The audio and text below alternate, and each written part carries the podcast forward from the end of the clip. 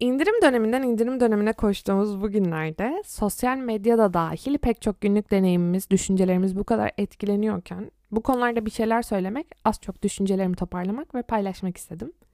Satın alma davranışlarımız konusunda konuşacağım bugün biraz. Mesela influencerlar nasıl başarıyorlar bunu? Ne oluyor da gün sonunda aslında o kadar da ihtiyacımız olmayan ürünlerle baş başa kalıyoruz? Kafamıza o soru işaretleri nerede geliyor? Information Gap Theory yani bilgi boşluğu teorisi dediğimiz bir kavram var. Sizde var olan, daha önce kullandığınız bir ürünün farklı özellikleriyle karşılaştığınızda ki bu karşılaşma bir reklam olabilir ya da birileri size deneyimlerini aktarabilir. Mesela influencerlar. İşte bu bilgi aktarımında bir boşluk oluşuyor. Sizde var olan, belki eski ürünle yapamayacağınız şeylerle karşılaşıyorsunuz. Yeni ürün bir anda ilginizi çekmeye başlıyor. Bir şey giriyor devreye. Hmm, merak Boşluğu doldurma içgüdüsüyle hareket etmeye başlıyorsunuz. Hatta çoğu zaman farkında da olmuyorsunuz. 1, 2, 3 derken bir sonraki story'nin linkine tıklarken bulabilirsiniz kendinizi. Ya da hiçbirinden etkilenmiyorum. Okuyup geçiyorum. Linklerden asla ürün almıyorum diyebilirsiniz. Burada da birkaç gün üst üste sosyal medyada maruz kaldığınız ürün beyninize artık tanıdık gelmeye başlıyor.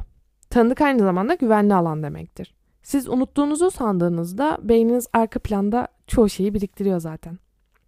Evrimsel süreçten beri tanıdık, bilinen şeyler güvenli olduğu için istemsiz bir yaşama içgüdüsüyle o güvenli olanı tercih ediyoruz. Ne oluyor peki?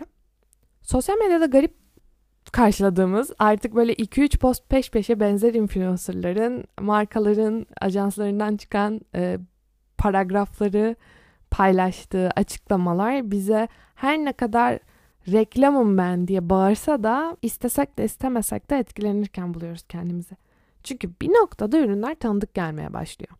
Gün sonunda bir mağazada denk geldiğinizde ''Aa bunu da deneyecektim indirime girmiş bir bakayım'' dediğiniz o ürünlere aslında buradan aşinasınız. Yani tam da bu noktadan bahsediyorum. Bilgi boşluğunuzu doldurmaya çalışıyorsunuz. Bu dönem nöropazarlama dersi aldım ve dönem içindeki sorumlu olduğum makale bu konuyla ilgiliydi. Okumak isteyenler için açıklamaya ekleyeceğim. Makalemizde bir araştırma yapılıyor. Belirlenen bir influencer'ımızın fotoğrafı çekiliyor.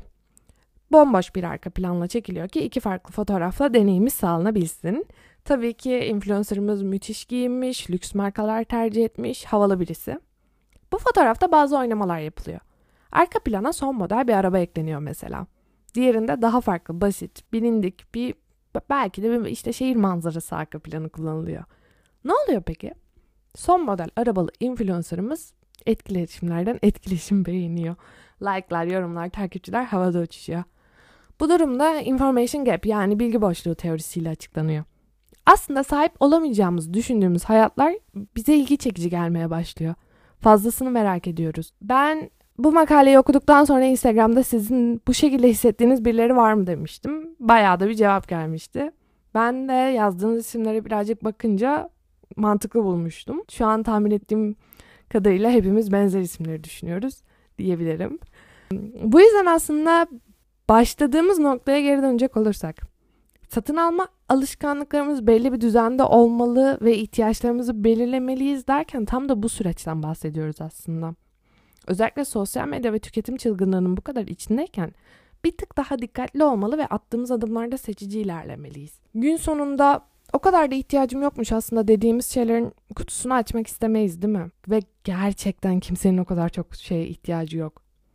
Bunun farkında olalım. Yani her gün, her hafta indirim haberini duyduğumuz tüm süreçlerde gerçekten o kadar çok şeye ihtiyacımız yok. Burada araştırabileceğiniz pek çok kaynak var. Bir yerden başlarsanız yani belki minimalist yaşam olabilir. Minimalist yaşamı da %100 uygulamak zorunda değilsiniz bu arada. Yani baya bence bu olduğu kadar e, kişiden kişiye değişebilecek derecede belki belli noktalarda hayatınızın tek bir kısmında dahi uygulasanız fayda faydadır ya. Küçüğü büyüğü yoktur. Yani bu şekilde bakarak e, ilerleyebilirsiniz. Ben hiçbir şeyi yüzde yüz yapma yani öyle bir başarım olmadı hiçbir zaman. Yani yüzde yüz minimalist, yüzde yüz düzenli, yüzde yüz çalışkan falan hiç olmadım. Hepsinden olduğu kadarım. Ve hepsi de ilgimi çektiği yere kadar işime yaradığı, hayatıma fayda sağladığı yere kadar e, sürdürdüğüm şeyler. Bunlara dikkat çekmek istedim. Buradan bağlayacağım konu da şu. Aslında linç kültürünü de bir noktada bununla açıklamak mümkün yani bu süreçle. İnsanüstü yansıtılan yaşamlar doğal olarak bize çok uzak geliyor. Sık sık takip edip e, kendimizi imrenirken ya da daha masum haliyle ifadeyle e, merak ederken bulduğumuz bu kişiler hata yaptıklarında normalden daha çabuk, daha hızlı yayılıyor ve daha çok kişiyle tepkiler veriliyor. Sosyal medyada yansıtmasanız dahi kendinizi içten içe bir insanı yargılarken bulmuş olabilirsiniz. Hak etti başına geldi ya da kahkahalarla gülerken de bulmuş olabilirsiniz. Bu da çok doğal bir içgüdümüz aslında. Yani çoğumuzun kahkaha efektleriyle arkadan izlediği bazı videolar var. Düşen insanlar, sahnede düşen sanatçılar, modeller, belki Peru uçan bireyler. Hmm, Almanlar bunu çok e, güzel bir kelimeyle açıklıyorlar. Umarım böyle telaffuz ediliyordur. Schadenfreude deniyor. Başkasının başına gelen talihsizlikten duyulan keyif anlamına geliyor.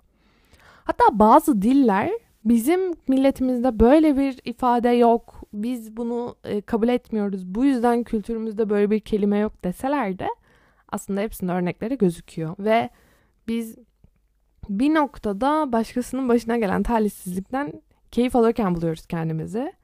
Ünlüler de bunun bir kısmında yer alıyorlar ki e, kitabı okumanızı çok tavsiye ederim. Kolektif kitap yayınlarından çıkan aynı isimli. Belki başkasının başına gelen talihsizlikten duyulan keyif falan yazarsanız da bulabilirsiniz. Ben de açıklamalar ekleyeceğim.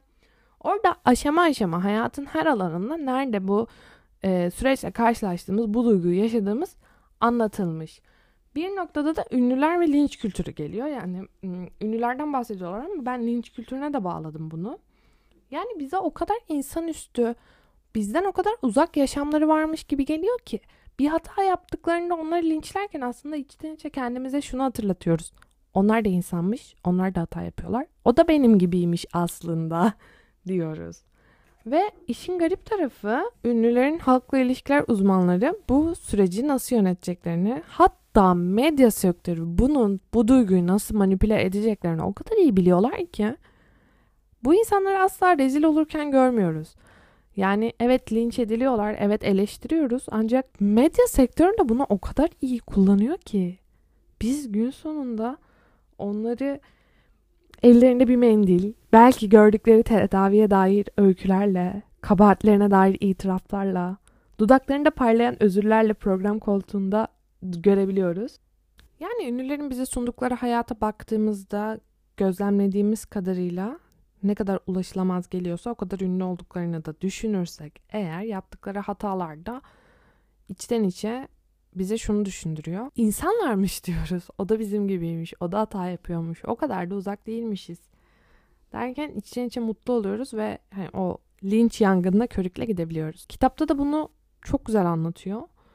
Sonunda da hani medya sektörü aslında bunu çok iyi kullanmayı biliyor. Çok rahat bir şekilde manipüle edebildikleri bir e, duygu bu. Başkasının başına gelen talihsizlikten duyduğumuz keyif diye adledilen duygu. Farkındaysanız biz hiçbir zaman o selebritileri rezil olmuş bir şekilde görmüyoruz.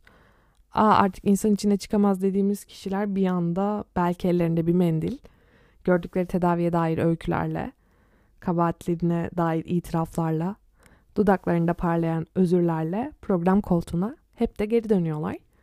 Kitabın da bu bölümünün sonunda şöyle bir soru soruluyor. Başkasının başarısızlıklarını zevkle izlemek gerçekten de herhangi bir şeyi değiştiriyor mu? Yani ben de şunu eklemek istiyorum. Sektörün de bizden istediği birazcık bu değil mi? Bir şeyler yaratılsın, trend olsun, etkileşime girilsin. İnsanlar bundan etkilensin, merak etsinler, satın alsınlar, denesinler, pişman olsunlar. Belki de birazcık vicdan azabı çeksinler.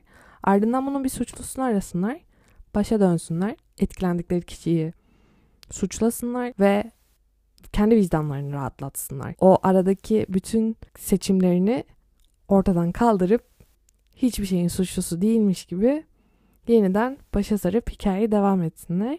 Farkındaysanız bir şeylerin sürekli trend olduğu, bizim o trendleri denediğimiz ve her seferinde de bir şeylerle başa döndüğümüz bir süreçte yaşıyoruz. Biraz olsun bilinçli olmakta, belki oradaki o boşlukları doldurmakta, bu kadar da acele etmemekte fayda var diyor.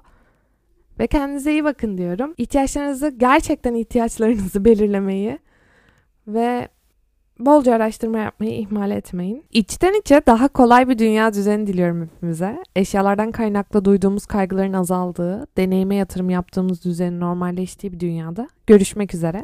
Meraklı kalmayı ihmal etmeyin.